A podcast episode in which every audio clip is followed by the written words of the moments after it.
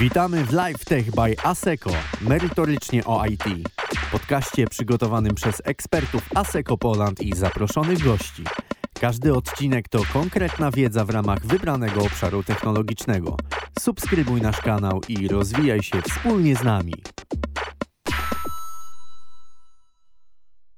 Spark dla .NET deweloperów w przykładach dla .NET Core. Część druga. Przygotował Remigiusz Mrozek, starszy inżynier oprogramowania z ASECO Bydgoszcz. W poprzedniej części przybliżyliśmy ogólne założenia dotyczące Sparka, jego historię powstania oraz motywacje, które stały za jego wytworzeniem. Przybliżyliśmy także struktury danych w nim używane wraz z przypadkami ich użycia. W tej części zajmiemy się, jak w łatwy sposób skonfigurować Sparka do działania z .NET Core oraz napiszemy pierwszy prosty program dla tej platformy w języku C Sharp. Konfiguracja środowiska .NET for Apache Spark. Do konfiguracji środowiska deweloperskiego dla .NET for Apache Spark użyjemy narzędzia Docker. Systemem operacyjnym, w którym będzie wykonywać naszą pracę, będzie Linux. Jest to także możliwe przy użyciu odpowiedniej wersji Dockera dla Windowsa. W przypadku systemu Windows jest jednak kilka różnic, w szczególności brak automatycznego ujawniania portów z kontenera i trzeba to mapowanie wykonywać jawnie. W celu przygotowania środowiska ściągamy odpowiednie repozytorium z GitHuba.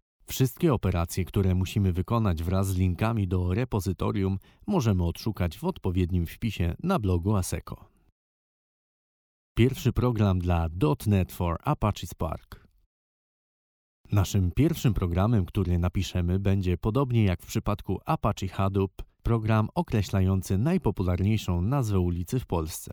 W procesie przetwarzania interesują nas tylko trzy wyróżnione kolumny: cecha, nazwa 1 nazwa 2.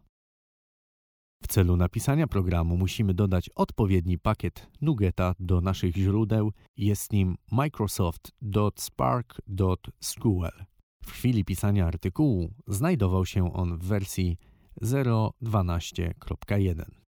Do źródeł dodaliśmy również nasz plik streets.csv z nazwami ulic i określiliśmy, że będzie on kopiowany do skomplikowanych źródeł. Wykonaliśmy to, by uruchomiony program na platformie Apache Spark potrafił czytać plik i był dla niej widoczny. Dodatkowo nasz program powinien być programem uruchamialnym z metodą main.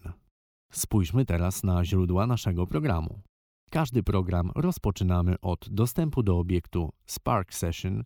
Zawiera on kluczowe metody dostępu do API Apache Spark. Następne linie programu zawierają metodę odczytu naszego pliku CSV i przedstawienie go w formie dataframe.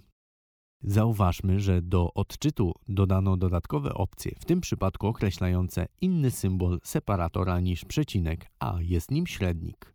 Ponadto informujemy Apache Spark poprzez metodę schema, jak wygląda struktura wczytywanego pliku.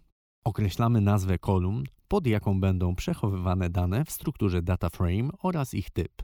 W naszym programie w celu uproszczenia przyjęliśmy, że nazwami kolumn DataFrame będą nazwy z nagłówka pliku CSV oraz typ wszystkich kolumn będzie typem łańcuchowym string. W następnej linii programu tworzymy nowy DataFrame powstały z poprzedniego i konkatenujemy w nim interesujące nas kolumny cecha, nazwa 1, nazwa 2 gdzie separatorem staje się spacja. Nowo powstała kolumna przyjmuje nazwę Street. Kolejna linia programu stanowi wybranie poprzednio utworzonej kolumny Street z pełną nazwą ulic oraz wykonanie odpowiedniego grupowania po tej kolumnie oraz policzenie wystąpienia danej nazwy. Ostatnie polecenie w tej linii to zmiana nazwy nowo utworzonej automatycznie kolumny count ze zliczeniem wystąpień na nazwę, która nas interesuje, czyli count. Dla łatwiejszej analizy danych dokonujemy sortowania od największej liczby wystąpień do najmniejszej. Operację tę wykonujemy metodą order by i określamy w niej odpowiedni porządek sortowania od największej liczby wystąpień do najmniejszej. Ostatnia liczba programu stanowi zapis naszego wyniku do pliku CSV. Jako, że jest to system rozproszony, musimy dane ze sobą złożyć. W tym celu wykonujemy operację coalesce i określamy, że interesuje nas jeden spójny plik w jednej partycji. Następnie określamy opcję zapisu pliku CSV, w tym wypadku zmieniamy znowu separator z przecinka na średnik i na końcu określamy do jakiego katalogu ma Apache Spark zapisać wynik, czyli w tym wypadku result. Program powinien kończyć się zamknięciem sesji Apache Spark, czyli metodą stop. Uruchomienie pierwszego programu .NET for Apache Spark.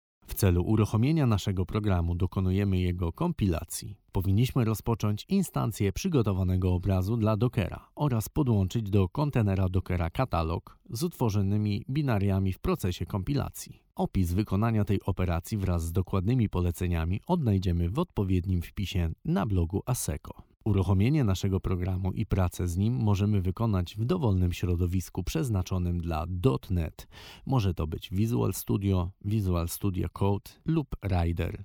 W każdym z tych środowisk mamy dostęp również do debuggera i możemy pracować z programem na Apache Spark, jak z normalnym programem konsolowym i go debugować. Po uruchomieniu powstanie katalog Result z wynikiem naszego programu i plikiem CSV. Opisywany w tym artykule kod możemy pobrać z GitHuba. Link do repozytorium, jak poprzednio, możemy odszukać w odpowiednim wpisie na blogu ASECO o tej tematyce.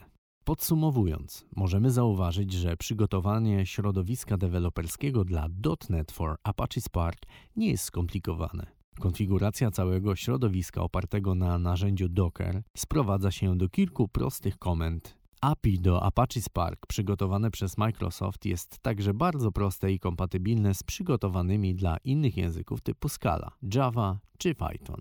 W następnym odcinku skupimy się na przygotowaniu środowiska interaktywnego dla .NET Apache Spark opartego na Jupyter Notebooks oraz pokażemy przypadki użycia takiego rozwiązania. To był Live Tech by ASECO, merytorycznie o IT. Dziękujemy za uwagę i słyszymy się już wkrótce. A jeśli chcesz dołączyć do naszego zespołu, zapoznaj się z najnowszymi ofertami pracy na pl.aseco.com ukośnik kariera.